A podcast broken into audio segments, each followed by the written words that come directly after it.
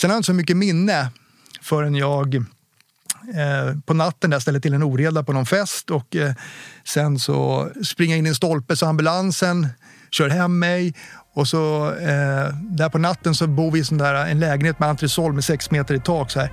Och då tar jag liksom sats och så hoppar jag ut för övervåningen ner och så skriker jag bara så här, jag har sån jäkla ångest.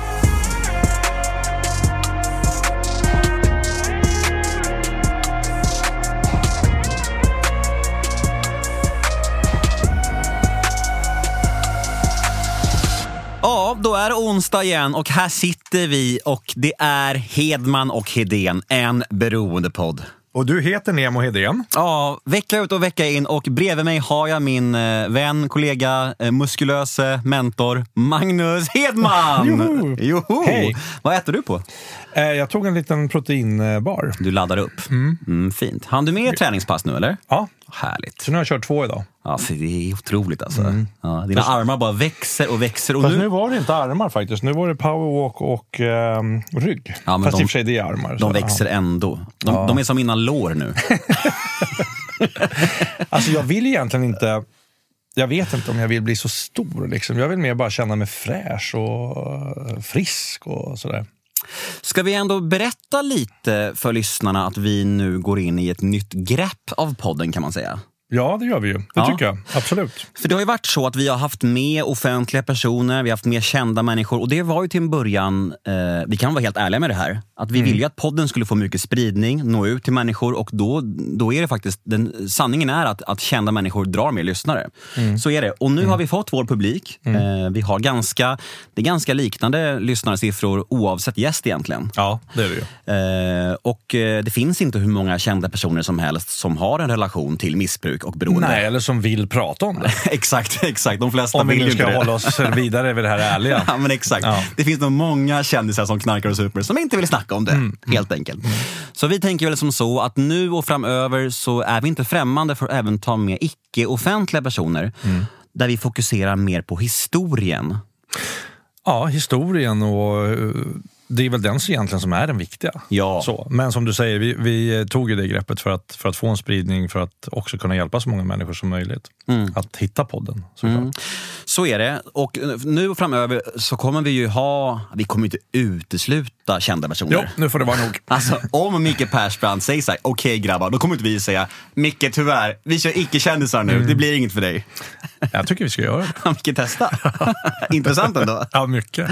Ja. Men i alla fall, som sagt, vi ju superaktiva i tolvstegsvärlden så vi har ju mycket vänner där inne och vi vet ju, alltså det finns ju historier att berätta i den här podden. Ja, absolut. Mm. Eh, massor. Massor.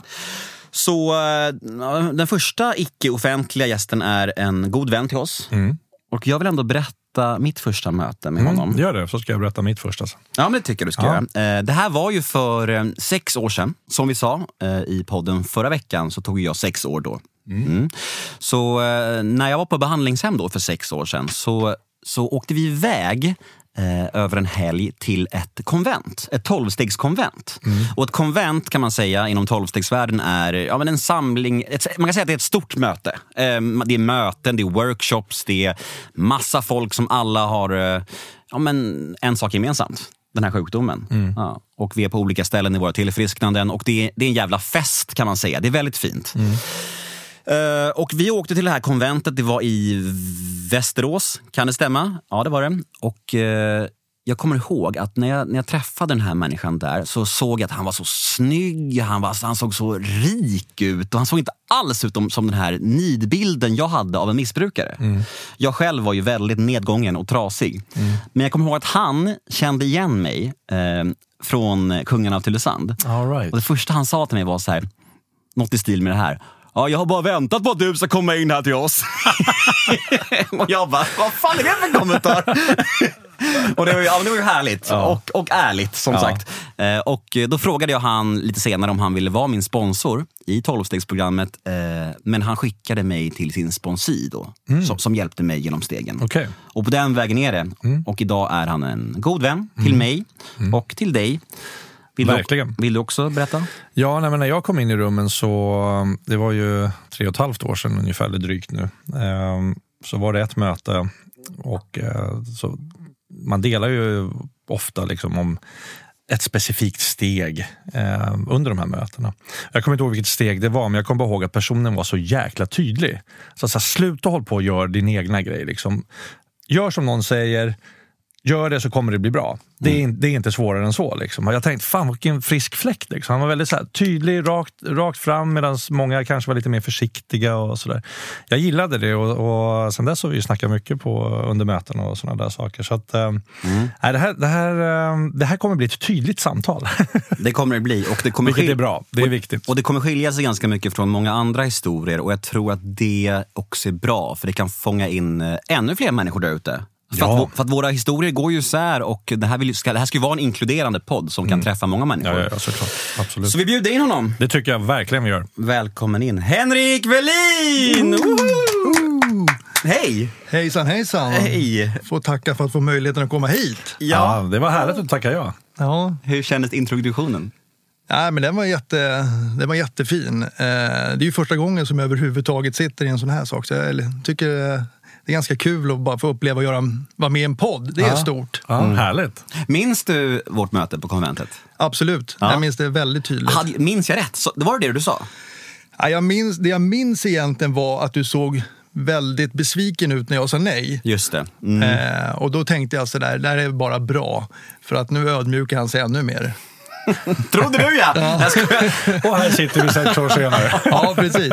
ja, men det sjuka var att, att du, du hade, alltså, Problemet med att jag frågade just dig var ju för att jag kände så här, ja men han, han, han verkar vara så rik och snygg och jag vet inte om det är liksom rätt syfte kanske när man ska välja en sponsor.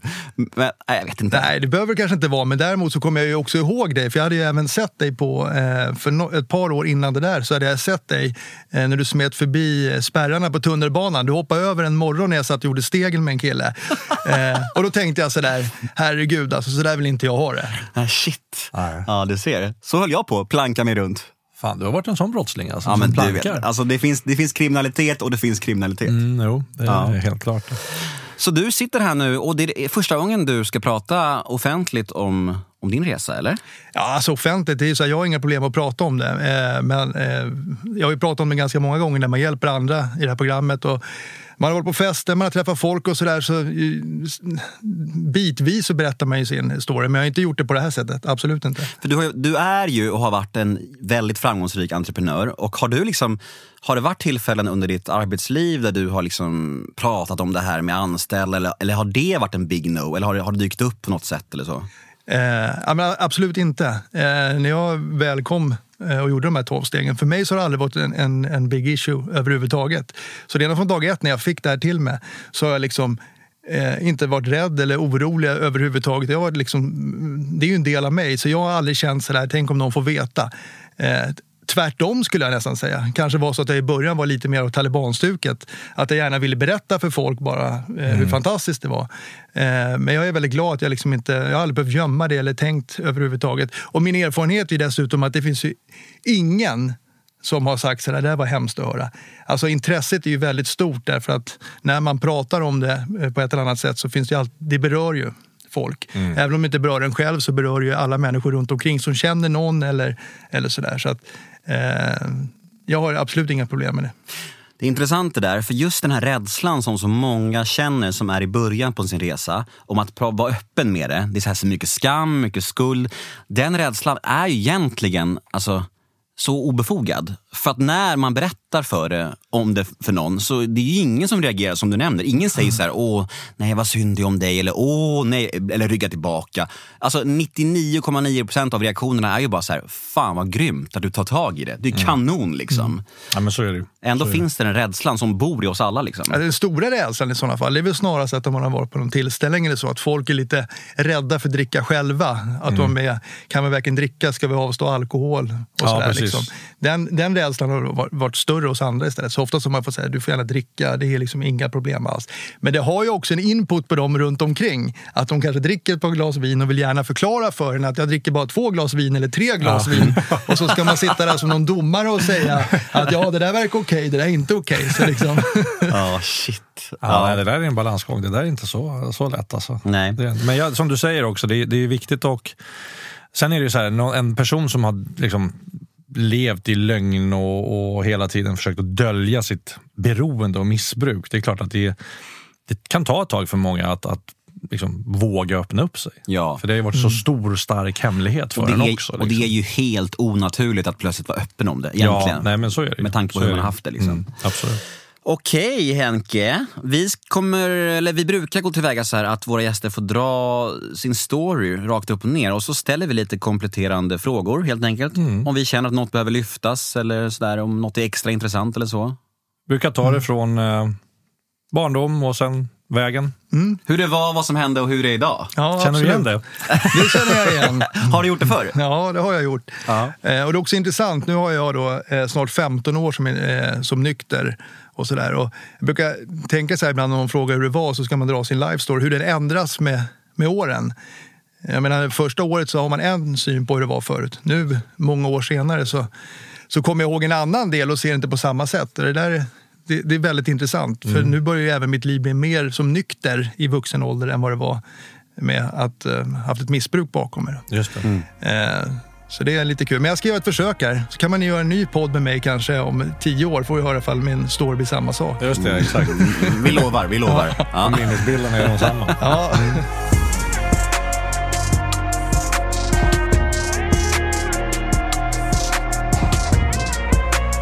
Jag är uppväxt i Åkersberga.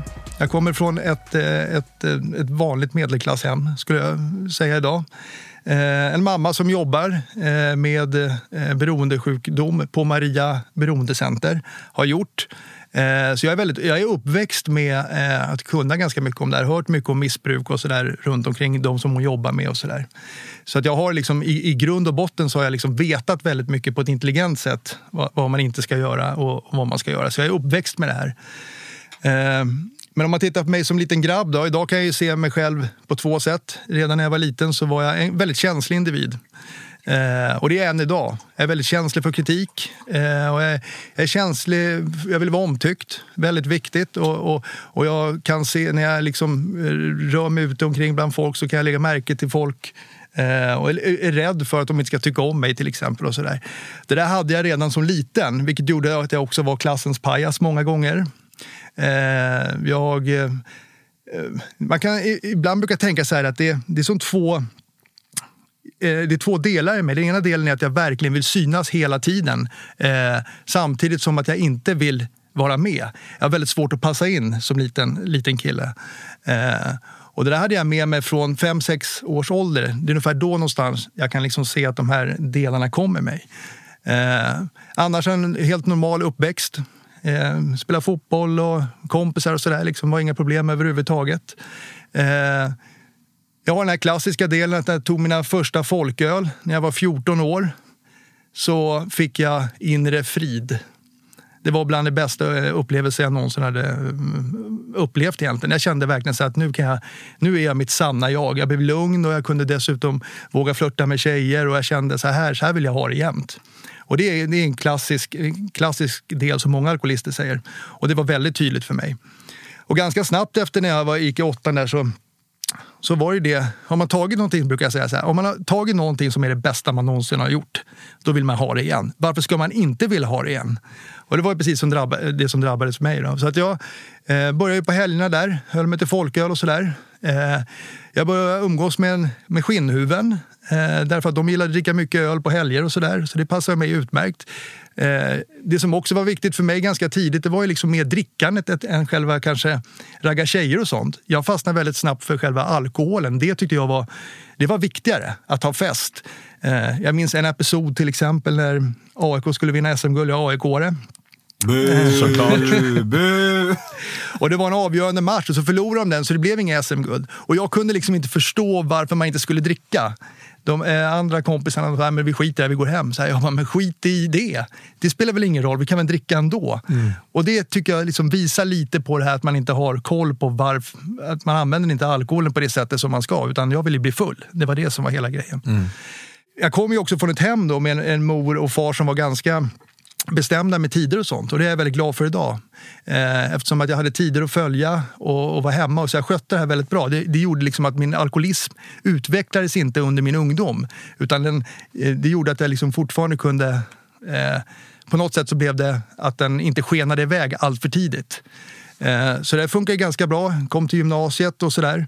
Eh, det var väl först då egentligen som det började verkligen bli mycket alkohol där på studenten. Vi, man går i trean på gymnasiet. Då, den där våren där så blev det liksom otroligt mycket alkohol eh, hela tiden. Och jag var ju väldigt mycket emot droger. Skulle aldrig ta droger i hela mitt liv. Jag har ju lärt mig hemifrån. Utan det var alkohol som gällde. Eh, och då efter gymnasiet där så fick jag ett jobb, eller jag tog ett jobb som säljare.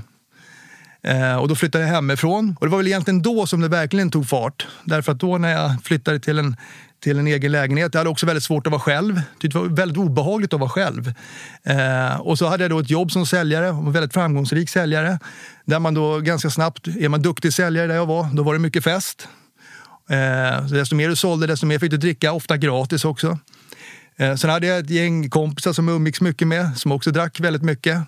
Eh, tyckte att de drack lite mer än mig, den klassiska delen också, att man har alltid hittar någon annan som man tycker dricker nog lite mer än mig, så jag har inte de här problemen. Då. Men fortfarande eh, höll det här sig till helgerna, då, så det var fredag, lördag. Vi hade ett uttryck vi körde ofta, att vi kör långkröka. Det var, det var fredag till, till söndag. Eh, men det var också mycket så här, man skulle ut och festa, träffa tjejer och sådär. Men för mig så var det hela tiden det viktigaste att vara full. Och jag hade kompisar som inte förstod det riktigt. Varför Henrik är du liksom inte ute och raggar? Så, Nej, men det gör jag, sa jag. Men det viktigaste var att få vara full. Men ganska snabbt då när jag började med det här jobbet då, så var jag väldigt duktig säljare. Så jag tjänade väldigt mycket pengar direkt.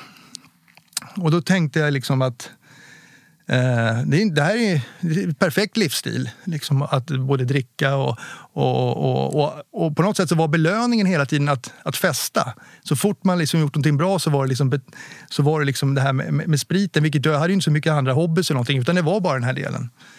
Men så vid något tillfälle där när jag var 20-21 år så var det någon som kom och sa så här, du, ska vi inte testa ecstasy? Nej, nej, sa jag. Det där håller inte jag på med. Jag håller på med alkoholen, det är min grej. Sådär. Men väldigt, väldigt full så fick jag den där tabletten. Och när jag tog den här ecstasy-tabletten så då hände någonting annat. Det var himmelriket. Det här var det bästa jag någonsin gjort. Och jag kommer ihåg det så väl idag, för jag kan fortfarande liksom minnas den känslan var att när jag tagit den här tabletten så började effekten gå över efter tre timmar. Så sa jag, vi ska ha mer. Ring, ring, ring. Och så då tog man ju ännu mer. Men redan andra, tredje tabletten som jag tog så kände jag att det är inte samma sak. Jag måste ha mer. Det är inte samma effekt som den första. Mm. Eh, och, och, jag hade en enorm ångest dagen efter. Dels för att det här är fel. Dricka kan man göra mycket som helst.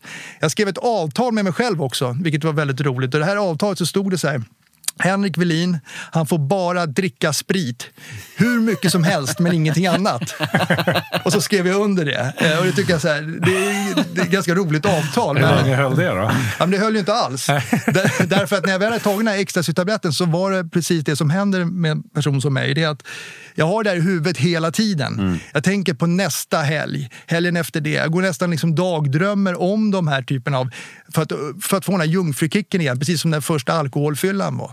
Och det gjorde ju att jag ganska snabbt då eh, började prova även amfetamin. Och när jag tog amfetamin första gången, då var det ännu bättre tyckte jag.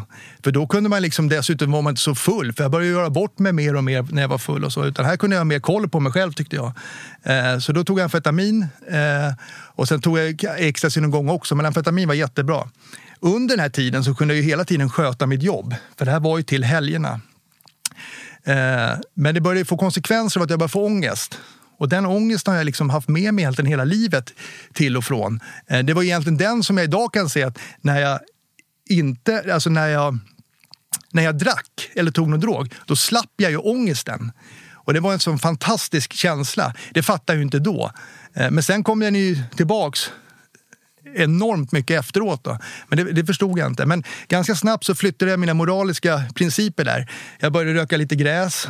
Jag började tycka hasch är inte så farligt. Eh, jag började propagera för det där. Jag började liberalisera, tycka snacka med andra hit och dit och var ganska bra på att argumentera för de här grejerna för att det inte är farligt och sådär. Sen gillar ju inte jag hasch eller marijuana egentligen då, eftersom att det var, det var ju neråt. Jag ville göra någonting uppåt.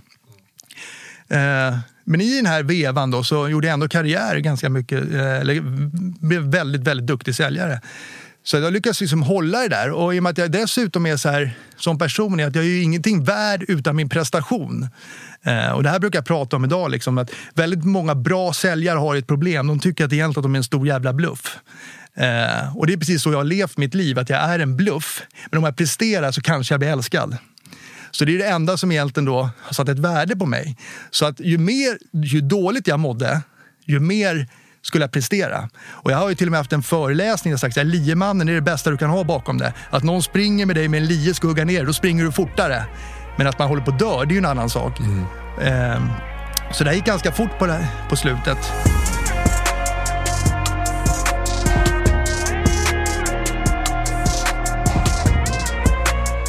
Vet du vad Magnus? Nej, Nemo. Vi gör veckans avsnitt i samarbete med våra vänner på The House. Jajamensan. Som vi har gjort varenda avsnitt upp till idag. Ja, det känns verkligen som att vi har tätt samarbete och det glädjer både dig och mig. Mm. Och det, vi vet att det har hjälpt väldigt många av våra lyssnare också. Ja, vad händer på The House just nu?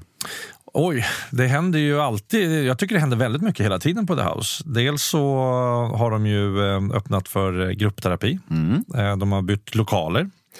Eh, Felix, som vi känner båda två, har gått in som partner till Robert Boman. Och han kommer dyka upp i podden framöver, eller hur? Jajamensan, mm. det kommer han göra. Han var ju även med på TV4s morgonsoffa och i Dagens Industri och sådär. Just det. Så att de växer, de har tagit in väldigt bra folk som, som du och jag båda har jobbat med. Mm.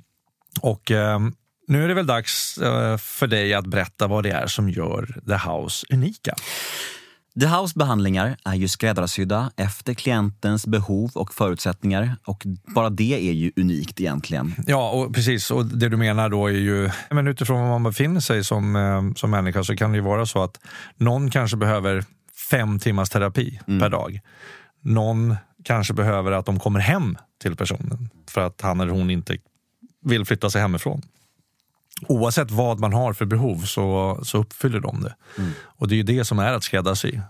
Mm. För jag tycker många säger, alltså nu pratar inte jag bara behandlingshem, men det är många som brukar kommunicera ut att vi skräddarsyr det efter era mm. behov. Men sen är alla program exakt likadana för alla.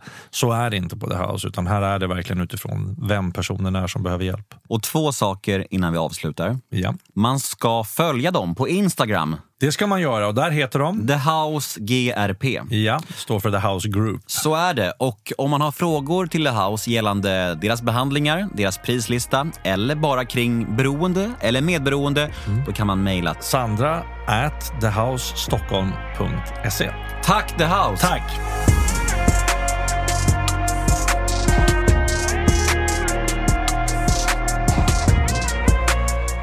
det var egentligen inte slutet, men när jag var 22, 23 där så började jag också intressera mig mycket för rave. Så då jobbade jag väldigt hårt då i ja, 8-10 månader. Sen åkte jag till Goa och gick på sådana här ravepartyn. Jag har läst mycket om det där att det var skogsfester och sådär.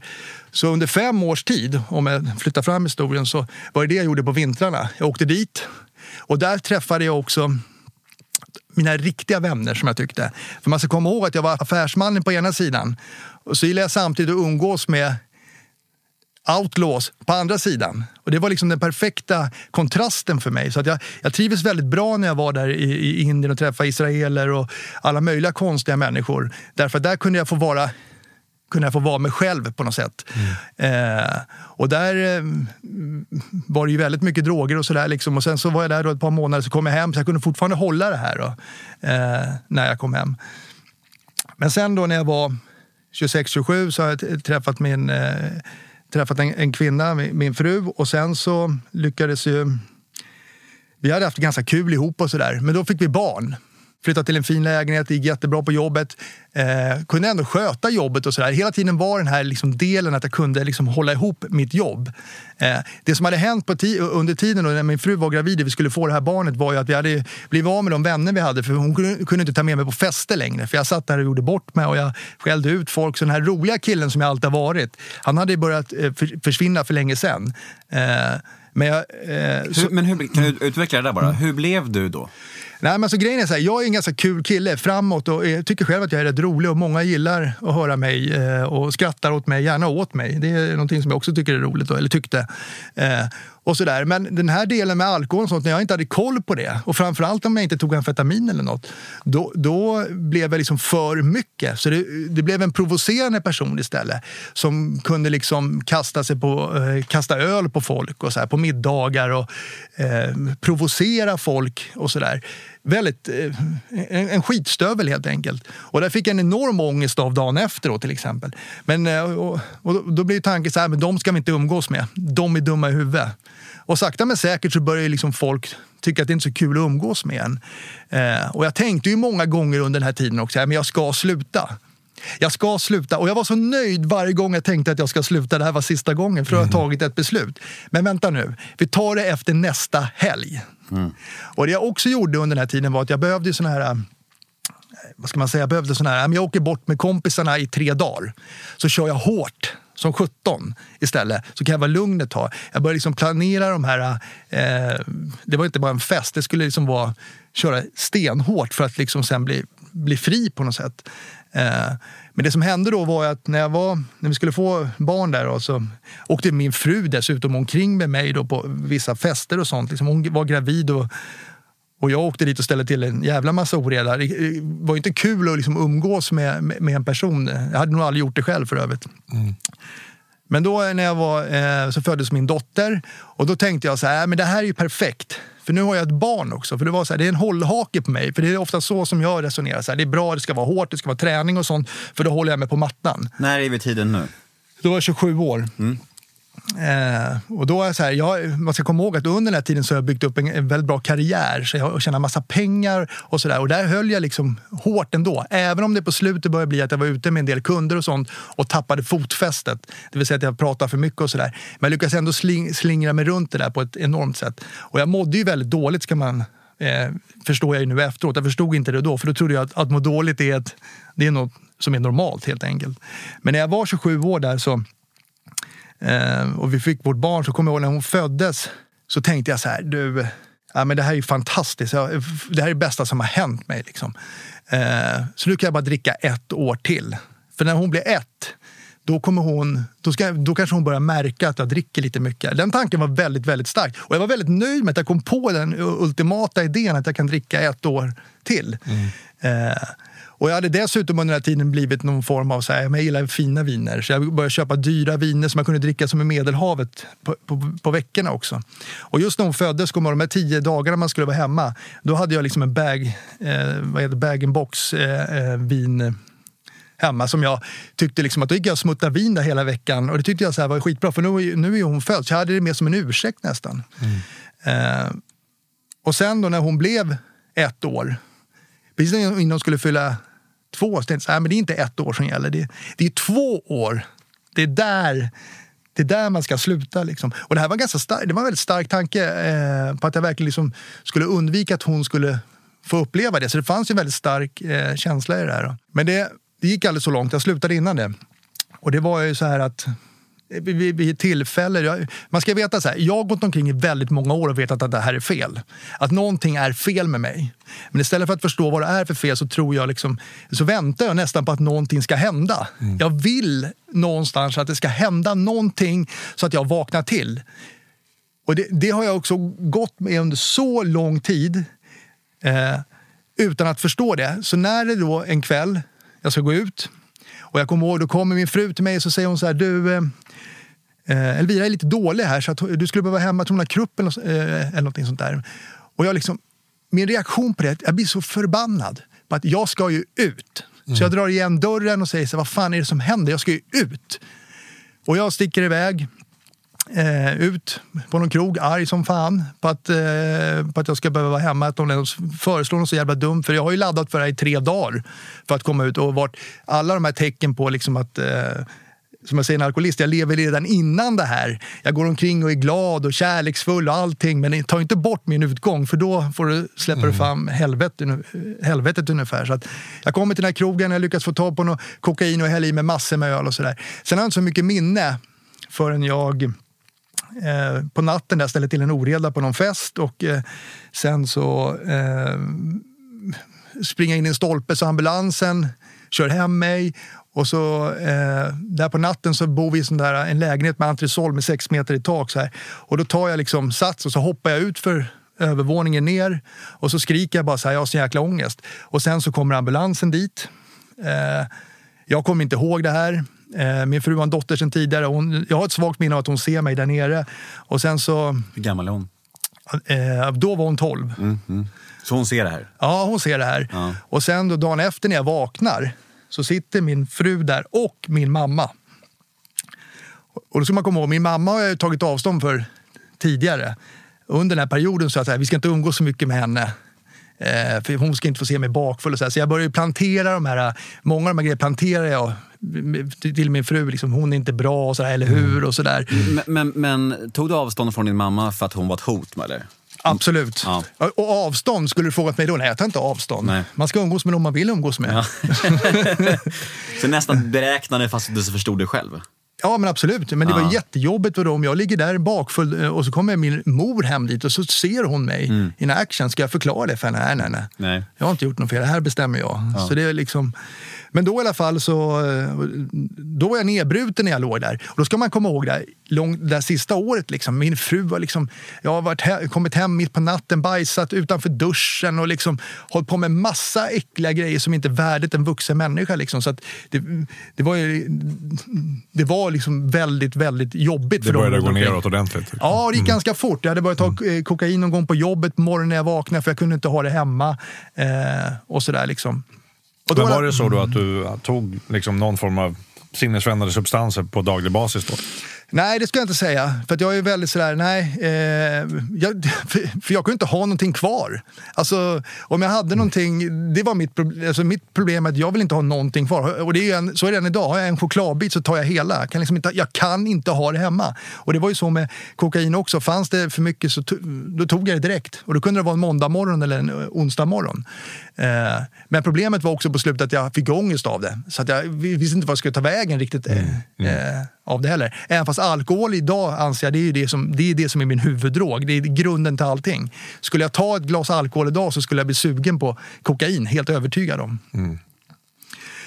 Men då i alla fall, när jag vaknade upp där på eh, så kommer min, eh, sitter min fru och min mamma där liksom och säger så här, men nu är det kört, säger min mor, nu får du ha hjälp. Så här. Jag kommer ihåg, så här, ja, det var så befriande. Jag tyckte det var så skönt att, ja, att få det liksom till sig. Att, eh, att det här var min botten på något sätt, utan- att fatta det. Liksom. Jag har hört talas om AA-möten och sådär. Men hade din morsa varit och petat i det här tidigare? Ja, här? absolut. Hon hade varit det? Mm. Ja, men hon har ju petat, men som alla andra, det går liksom inte... Hon ser ju vad som händer, men hon är helt omöjligt att komma åt mig.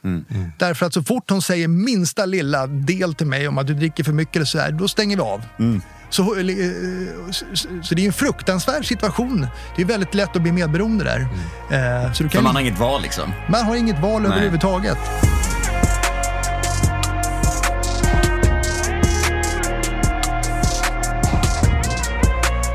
Men då i alla fall så, så fick jag tag Fick jag åka på ett A-möte direkt och då är det så här, då bara, nu är botten bra, nu kör vi. Och då åkte jag iväg på ett A-möte, jag tyckte det var helt fantastiskt. På det här A-mötet, jag kände mig verkligen hemma eh, direkt sådär. Men här kommer då min lustiga story med det var att när jag kom in på det här A-mötet så kände jag så här, skönt, för- för om jag har mindre ångest då kan jag ju sälja mer och tjäna mer pengar. Det tyckte jag var en väldigt bra grej för det påverkar mitt jobb liksom ändå. Så när jag gick på det här A-mötet då, om man drar historien snabbt, så gick jag på det under ett års tid. Men jag tog bara öppna möten där jag fick sitta och prata om mig själv. Förklara vad ett öppet möte är. Ett öppet möte är att du kan gå dit som vem som helst och så får man egentligen dela om vad som helst. Det finns ingen, det finns ingen, eh, det finns ingen tråd, eller det kan du göra på ett öppet möte också. Slutna möten är ju bara för de som har beroendeproblematiken. Men de här öppna möten jag gick på, där handlar det liksom eller rätt sagt, jag gick på möten och pratade bara om mig själv. Jag vet inte ens om det var slutna möten, det kanske så. Eh, utan jag, jag var där och bara pratade. Eh, och jag spelade många gånger också nykomling. Jag gick på några olika möten för jag tyckte om att dra min egen story. Ja. Jag tycker det är rätt fascinerande. Liksom, va? Så att folk får höra mig. Liksom. Mm. Och så satt det några äldre på de här mötena som försökte prata om något gud och tolv steg man ska göra rätt. Så jag tänkte, fan, de här mötena går inte jag på. För de, här, de är så jävla tråkiga de här gubbarna. Ja. Eh, Men då gick jag på det ett år, jag gjorde inga steg, ingenting. Och efter ett tag så tyckte jag att, givetvis att de här mötena är ju, det ger inte mig så mycket längre. Så jag slutade gå på de här mötena. Och, men jag kallar mig alkoholist ändå. Det tyckte jag var rätt skönt. Eh, men så hamnade jag efter ett år på, eh, på en, en resa som jag skulle till till Lissabon. Eh, en, en resa. Och det här är så intressant, för då hade jag slutat gå på möten och kom jag ihåg så jag tänkte så här, man kanske skulle kunna åka iväg själv. Barnen är hemma, nu är det där, nu finns det möjligheter och så här. Den tanken kom väldigt tidigt, redan någon månad innan. Så när jag kom till Arlanda, det hade jag, man säger så här, det, det hände bara. Ja, det kanske bara hände, men min tanke, min plan hade satts igång för länge sedan. Så när jag kom till Arlanda gick jag direkt till baren och så drack jag ett glas vin. Två glas, tre glas. Sen så åkte jag till Lissabon och så söp jag och förmodligen knarka, jag vet inte.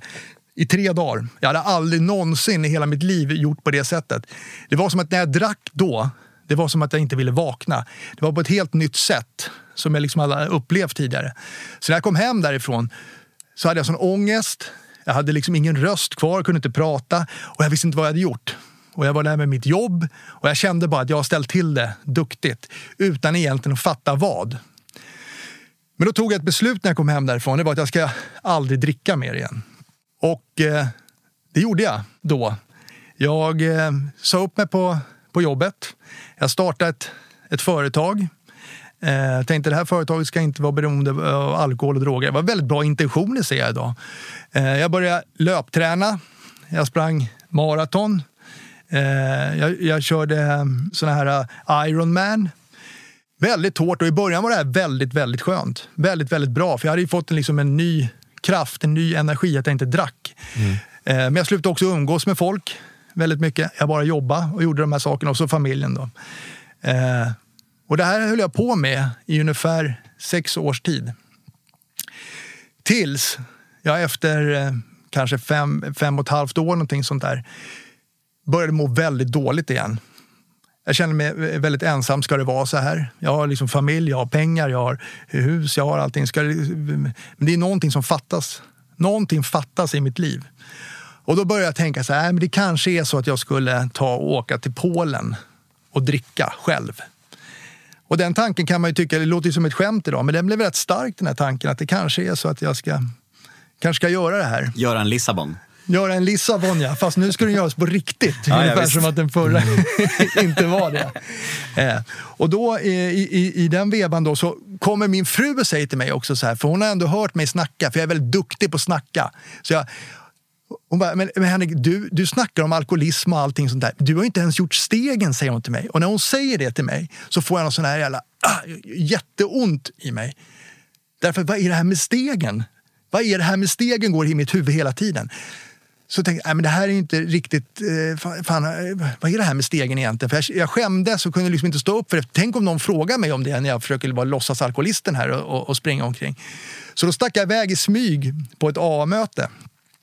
Eh, kom in på det här mötet och det som är eh, Vasa, Vasastan, ett lunchmöte. Sitter jag där på mötet och så hör jag där inne de pratar så här, jag känner igen mig, det här är, skö, eh, det, det är någonting bra här inne. Liksom. De pratar om de steg så här, men inget mer med det. Och sen är jag på väg ut därifrån så möter jag på en annan kille eh, som har gått på det här programmet. Visste jag inte då. Och då säger han när jag kommer ut därifrån, bara, men tjena, för han, eh, han var bekant på långväga, säger han så här, du vad fan går du på A-möten? Ja, alltså, ja, alltså, ja, det är lite Schweiz. Han bara, bra, men du häng på, det är ett CA-möte här eh, om en timme. Och jag bara, men jag är ju ingen, eh, jag är ingen pundare direkt. Han bara, nej, nej, nej, nej. häng på här nu. Så här. Och, och jag var lite rädd för honom, så jag vågade liksom inte säga nej. Så att, eh, jag följde med honom ner på det här CA-mötet. Då. Eh, och när jag kom in på det här CA-mötet så hände, eh, hände det något otroligt obehagligt för att när jag kom in på det här mötet så liksom möts jag av väldigt många glada människor som alla säger som, som ler och så ska de fram och krama en och det där har jag liksom väldigt svårt för. Do not touch. Liksom. Plus att jag också är lite irriterad på att ni kan inte blåsa mig så här. Det är någonting som är, som är fel här liksom.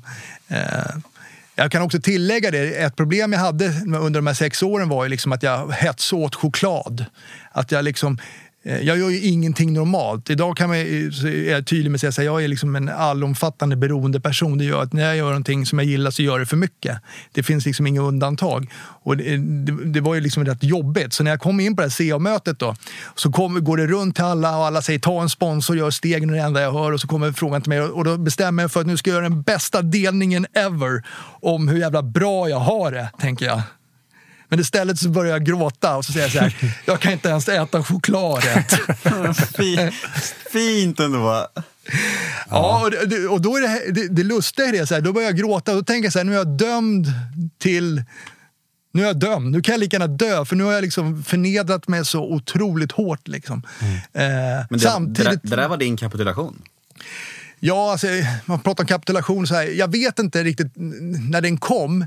För den har kommit till flera gånger skulle jag säga, även när man gör stegen, man känner att man liksom kommer, kommer vidare. Men det som hände då var att jag, jag fick en sån enorm jag kände mig så jävla utsatt. Jag kände att jag behöver hjälp och det är det jag liksom aldrig vågar bett om. Mm. Så när de sitter på mötena efteråt så kommer de fram och säger så här, tänker, vill du ha hjälp? Så här, jag håller på att dö. Så, alltså det, det, ingenting spelar någon roll. Och så kommer det fram en herre och säger så här, eh, jag kan hjälpa dig. Liksom.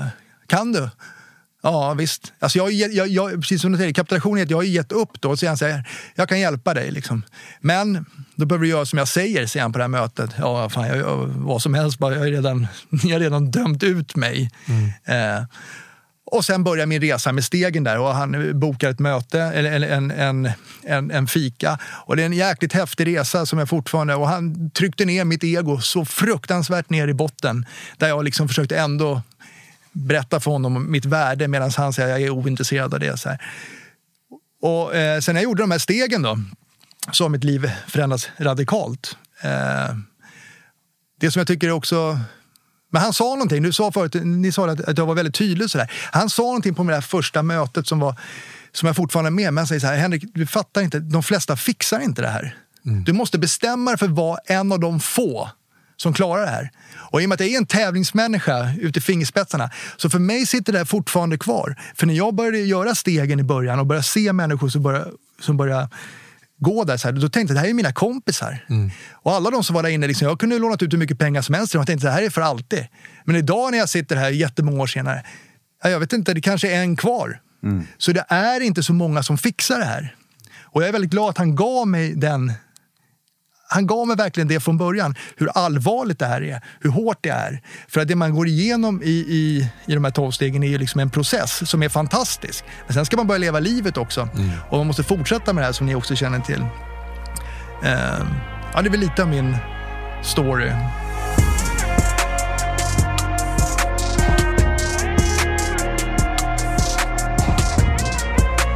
Men du, vad, vad, vad skulle du säga är de största skillnaderna Eh, på dig, alltså på din insida emotionellt från, eh, från när du var en alkoholist utan 12-stegsprogram i dig och till när du fick göra stegen och tillfrisknade på riktigt? Alltså jag kan be om hjälp idag, för jag behöver andra. Eh, I och med att jag då, innan det här så hade jag liksom alkoholen egentligen som min enda kompis skulle jag säga den har ju fyllt en, en del i mitt liv. Eh, som var liksom att när jag mådde dåligt och jag var glad så var det, liksom det ultimata var att fylla på det med någon kemisk substans. Idag, och det är ju ingen skillnad på mig som person idag. Jag har ju samma typer av behov som jag hade då. Men skillnaden är nu att nu kan jag be om hjälp, jag kan förstå det. Mm. För jag kan ju snurra upp mig på läktaren. Det räcker med att Magnus tittar snett på mig om jag går på gatan så kan jag ju få för mig att nu har Magnus varit ute och snackat skit om mig. Nu, nu, mm. nu gillar inte han mig. Mm. Så nu tänker inte jag prata med honom mer. Så funkar ju min hjärna. Och det hade jag ju förut då så här, lagt till det plus någon annan plus att jag kanske gjort dåligt på jobbet. Ja, men det är klart att jag ska ha lite alkohol eller någonting för då mår jag bättre. Mm. För du var, ju en, en, du var ju nykter i flera år utan att göra stegen. Ja. Hur, hur mådde du då i jämförelse med när du hade gjort stegen? Vad var de stora skillnaderna då? Nej, men det är en enorm lättnad. Därför att den här isolationen som... Eh, jag, jag, säger så här, det är egentligen det är fruktansvärt som jag ser idag. Att sluta dricka. Det finns säkert de som klarar det i 30-40 år, men vad har du för liv? För, mm. för min erfarenhet är ju att jag, eh, jag blir kall och hård. Och jag har ett, här, ett minne som jag kommer ihåg som var tudelat. Det var att jag sitter femte året, jag har inte druckit någonting, tycker att jag är skitduktig, eh, umgås inte med så mycket folk. Jag sitter och klappar vår katt och så tänker jag så här när jag klappar katten bara, fan vad skönt, nu känner jag ingenting. Mm. Och det var liksom det som jag jobbade mot, att inte behöva känna något överhuvudtaget. Jag tyckte det var Mm. det som var frihet. Men, eh, och, och, och, så, så svaret på din fråga blir att idag kan jag känna. Idag Mm. har jag enormt känsloregister och det är ju jättejobbigt. Alltså det är ju jättejobbigt att få tillbaka de här, de här känslorna. Jag vet inte vilket håll man ska ta det här åt. Eh, så det är den stora skillnaden. Vilket också gör att det är väldigt jobbigt ibland att vara tolvsteg. Man pratar om att man får ett fantastiskt liv. Jag, menar, jag har många svackor till och från genom åren med det här.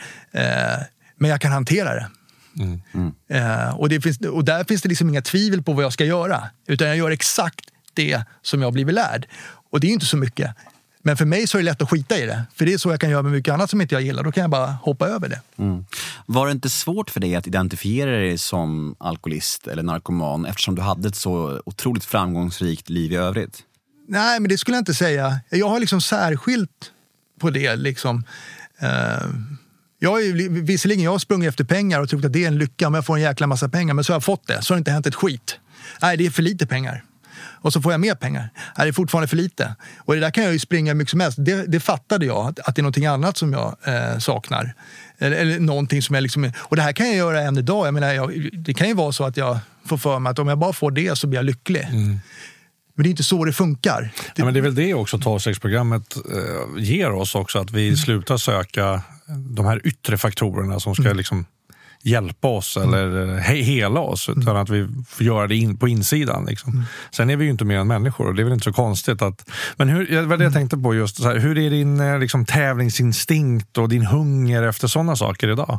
Det, det är lite roligt att du säger det här, för att eh, en sida av mig säger så här, men jag är tävlingsmänniska, men det är inte riktigt samma sak. Den har ändrats efter det här. Eh, därför att jag kanske ser mer, mer på vad, vad som är viktigt. Och då säger jag någonting som är märkligt. Som jag, säger. jag har ju satt mig själv först i hela mitt liv egentligen, alltså väldigt självcentrerad och egoistisk. Men idag så är det ännu viktigare att jag ser mina egna behov. För det är jag också bra på att ta bort. Så de behoven för att jag ska kunna vara en bra människa, det är jätteviktigt. Men om jag bara skulle tävla eller ge mig ut på någonting, då liksom tar jag bort allting annat. Och då mår jag inte bra. Och då, och då blir jag också en dålig person mot min omgivning.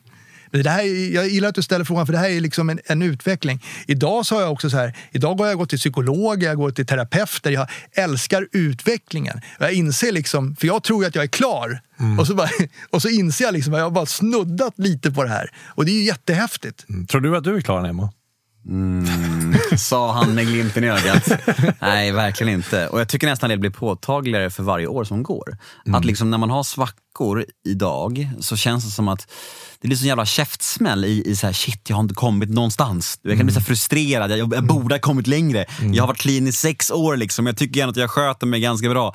Men samtidigt så är det att det är väl någonstans det som är själva grejen också. Att kunna möta svackor och hinder på vägen och hantera det. liksom. Och använda programmet eller använda vänner och hantera det på ett vuxet sätt. Liksom. Till skillnad från förr där man liksom använde allting som hände i livet för att kunna supa och knarka igen. Liksom. Idag, är det ju, idag kan jag ändå känna så här, även om det var svintufft bara för några veckor sedan, som du vet. Jag hade, alltså det var en extrem period.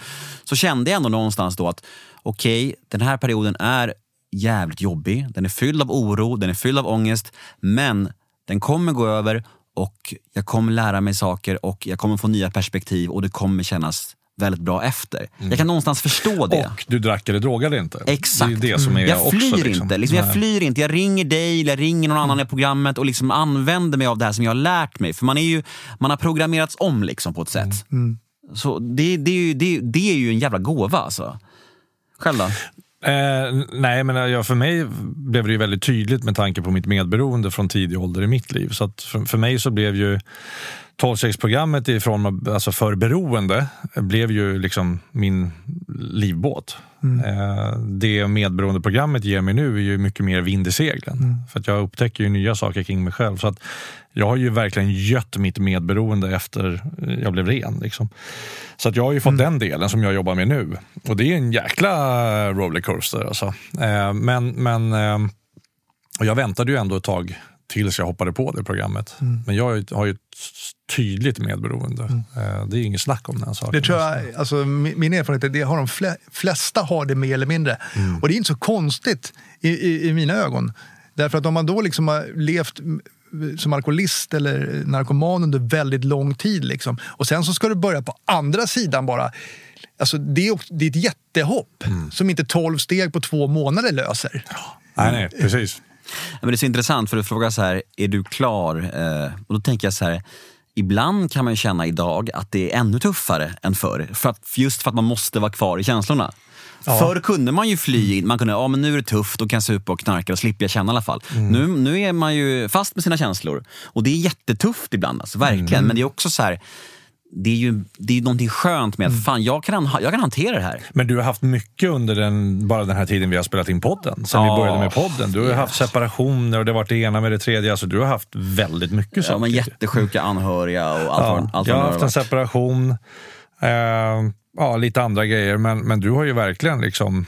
Ja, du har gjort det på ett fint sätt. Ja, men... tagit igenom det på ett fint sätt. Mycket mm. smärta ja, har det, varit. Så. Och det, det, här är också intressant. Alltså jag lever efter den devisen. Tyvärr är det så att smärta utvecklar. Mm. Och det sa jag förut också. Men nu förstår jag innebörden. Att man går igenom någonting väldigt jobbigt så man, kan man vara kvar i det. Men så kommer någonting gott av det. Mm. Och det är det här andliga kommer in. Liksom, att om man kan vara kvar i det så blir det oftast bättre. Mm. Det är bara att vi har så förbannat svårt. Och jag vill gärna ta en genväg. Mm. Det är jätte jätte, jätteviktigt.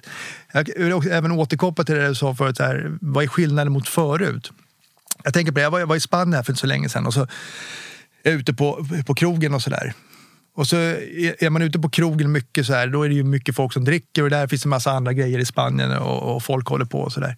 Så sitter jag där ute så här och så sitter jag och tänker så här, fan vad lätt det vore att få dricka och bara socialisera med folk. Vilken enkel väg det är att vara full för att våga vara någon. Och där sitter jag, likadan som när jag går upp på morgonen sitter jag där på kvällen. Och så kan jag ändå liksom någonstans få en förnöjsamhet i att fan alltså vad härligt det är att inte behöva vara som de andra. Att inte behöva de här medlen eh, för att kunna fungera mm. som det var förut. Eh, och det kan jag känna en otrolig eh, stolthet i. Mm. För det, det du säger där är ju också någonting som många är rädda för. Mm. Och det är ju att få ett tråkigt liv. Mm. Om man nu ska sluta med droger eller alkohol eller vad det är för någonting. Man brukar säga, ja men fan ska inte jag få festa igen? Liksom. Och så mm. brukar vi säga att ja men festen är väl rätt slut. Vad har du ersatt, eh, ersatt, men vad har du adderat till till ditt liv? Har du börjat plocka svamp eller? Nej, men alltså, har du gjort någonting så som du inte, absolut inte hade kunnat tänka dig tidigare? Jag skulle önska jag kunde säga så här, ja, visst jag har hundra olika hobbys och så ja. Nej, men, eh, och så är det tyvärr inte. Utan det jag däremot gjorde, jag tränar väldigt mycket men det är inte riktigt en hobby kanske på det sättet. Eh, däremot så startar jag företag och, och jobbar väldigt, väldigt mycket med det. Mm. Eh, och för mig, eh, som det är nu, så är, är det så här, jag letar efter det. Det är lite mm. så här att jag inte riktigt vet vad jag ska göra, för nu jobbar inte jag så mycket längre. Mm. Vilket gör att jag har liksom ett, ett nytt liv eh, där jag kan göra hur mycket som helst. Ja. Men jag är också rädd för att jag hittar någonting och så ska det gå då, så ska det liksom bli en besatthet av det. För det är som du är inne på, liksom, det finns en enorm eh, möjlighet att försöka göra någonting normalt. Samtidigt så har jag den här energin idag, så när jag mm. gör någonting så kan jag inte skilja på om det kanske är en hobby, ifall jag är besatt eller, eller vad det än är. Och där kan jag behöva hjälp med. Mm.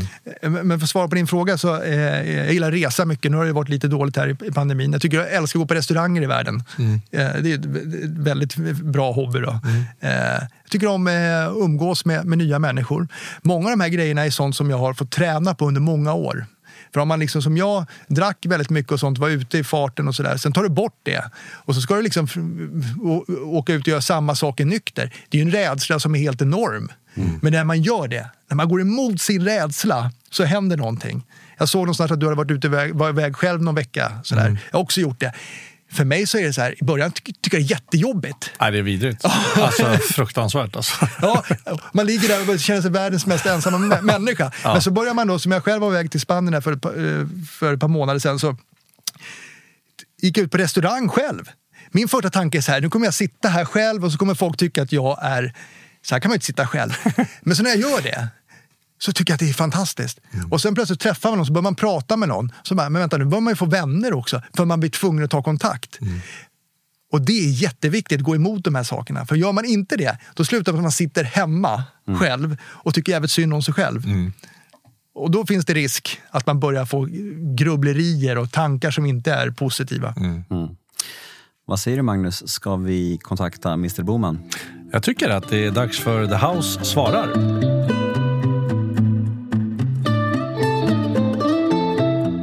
Den här onsdagen, som vanligt, sitter vi med Robert Boman, vår mentor och han som hjälpte oss genom väldigt mycket problem, Nemo, kan man säga. Va? Det får, får man säga. Ja, och nu ska han hjälpa våra lyssnare med en uh, lyssnarfråga också. Hur är läget Robban? Är det bra? Det är finemang, tack. Hur mår ni? Bra. Ja, men jag mår fint, som fisken i vattnet. Ja, ni ser glada ut. Ja, ja det är vi. När du är här då blir vi extra glada. ja. Ja, men ska jag... Ja, men Nemo, shoot! Ja, I, I take it away. Yes. Nu kör vi. Hej Robert! Tolvstegsprogrammet är väl ett andligt program om jag har förstått det rätt. Och jag har förstått att ni på The House jobbar enligt tolvstegsmodellen också. Men hur tänker ni kring den här andliga biten? Vi har faktiskt valt att plocka bort ordet Gud. Ehm, vi berör andlighet, ehm, men vi har valt att plocka bort ordet Gud i hela vårt behandlingsprogram utifrån att vi menar att Ingen checkar in på behandling för att hitta Gud. Det får man jättegärna göra på egen hand. Men, men vi menar att, att det är ingenting ett behandlingshem ska, ska pracka på en. Sen vad andlighet är, det är ju någonting högst personligt. Vad, vad, vad är andligt för dig, Magnus? Och vad är andligt för dig, Nemo? Och vad är andligt för mig? Det, själva ordet är ju någonting som, som kan skrämma ganska många. Jag minns själv när jag kom på min allra första öppenvårdsbehandling och, och terapeuten sträckte fram handen och sa “Tjena, jag heter Bosse, hur har du med andligheten idag?” Och där sa det pang för mig. Där slog mina dörrar igen och jag tänkte att okej, okay, jag har en komplett galning framför mig men jag sitter väl här för att rädda mitt äktenskap. Eh, idag ser jag lite annorlunda på vad, vad som är andligt. Med, för någon är det kanske när flygplanet går genom molnen och solen plötsligt är där. För någon annan är det kanske ett minne när mamma gjorde pannkakor när jag var, var liten. Eller en promenad med hunden i skogen. Och eller när barnen föddes kanske. Så att jag menar att det är något högst personligt. Vi berör det i vårt eh, behandlingsprogram, men ganska lite. Därför att vi menar även här att det är någonting som man får, får mm, hitta på egen hand helt enkelt. Och kanske ingenting som ett, som ett behandlingshem eller en behandlingsenhet, öppenvård i vårt fall, eh, ska pracka på en. Mm. Härligt! Stort tack Robert! Tack så mycket.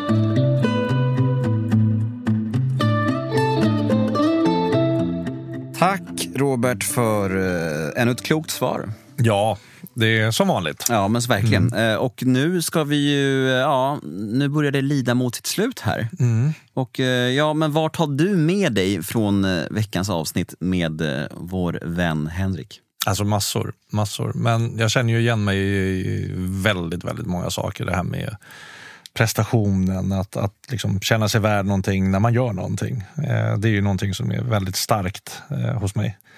Eh, den delen är liksom så här att ja, använder man sig av prestation för att få någon form av mänskligt värde så kommer man alltid att vara rätt tom på insidan. Mm. För att det, det, det, fyller oss inte. För vi vill bara ha mer och mer och mer och mer. Man är på väg någonstans hela tiden. Och det kunde, kunde man ju höra tydligt. Och sen ja, men just hur det här eskalerar, hur man tycker att man har kontroll på saker och ting och det är så här livet ska vara. Jag tyckte också det var skitcoolt när jag hade slutat med fotbollen och liksom kunde, tyckte jag, hantera droger och alkohol. Liksom så. Men eh, hur snabbt det eskalerar och att eh, till slut, eh, som jag säger varenda avsnitt, vi klarar det inte själva. Nej. Vi klarar det inte på egen hand. Mm. Och just den där liksom, magiska stunden när han skulle dra en, en superdelning och börja gråta för att han inte kan äta choklad. Och mm. Det tycker jag någonstans visar på att när man ödmjukar sig så mycket omedvetet så mm. är det någonting som händer i oss som gör att vi ber om hjälp. Mm. Och vi kanske inte har bestämt oss för att be om hjälp, men det bara blir så. För i det här fallet, då, kraften i det här rummet av andra människor som pratar gör att han ber om hjälp och, och, och får den. Mm. Och, och, sen, och sen tycker jag också att det, det är liksom viktigt att poängtera att livet är inte spikrakt. Det är inte spikrakt, men om vi får nya saker, nya verktyg att hantera våra känslor och utmaningar så blir livet fan så mycket bättre eh, utan droger och alkohol. Mm. Mm. Eh, så att eh, mm, den, den här har gett väldigt mycket. Mm. Inte bara för mig, utan jag är säker på att alla våra lyssnare har fått med sig någonting. Mm. Du då? Nej, men dels det här med att eh, hur man skjuter fram det. Skjuter fram beslutet. Ja, men nästa helg ska bli nykter. Eh, min dotter får bli ett år, hon får bli två år. Det här, he, det här hur, hur, fast man är i den här ja, men mentala besattheten som vi pratar om. Där ja. man bara fortsätter lura sig själv och fortsätter intala sig att eh, det här är nog min sanning just nu. Ja. Men man är bara i klorna på ett jävla beroende. Liksom. Och sen också den enorma skillnaden på att vara en eh, alkoholist eh, utan tillfrisknande i sig och en alkoholist med de tolv stegen i sig. Vilken, för det kan jag verkligen relatera till, hur man liksom är fast i den här hårdheten som du mm. Beskriver. Man är så hård, taggarna utåt, bara så här, Mm, mm.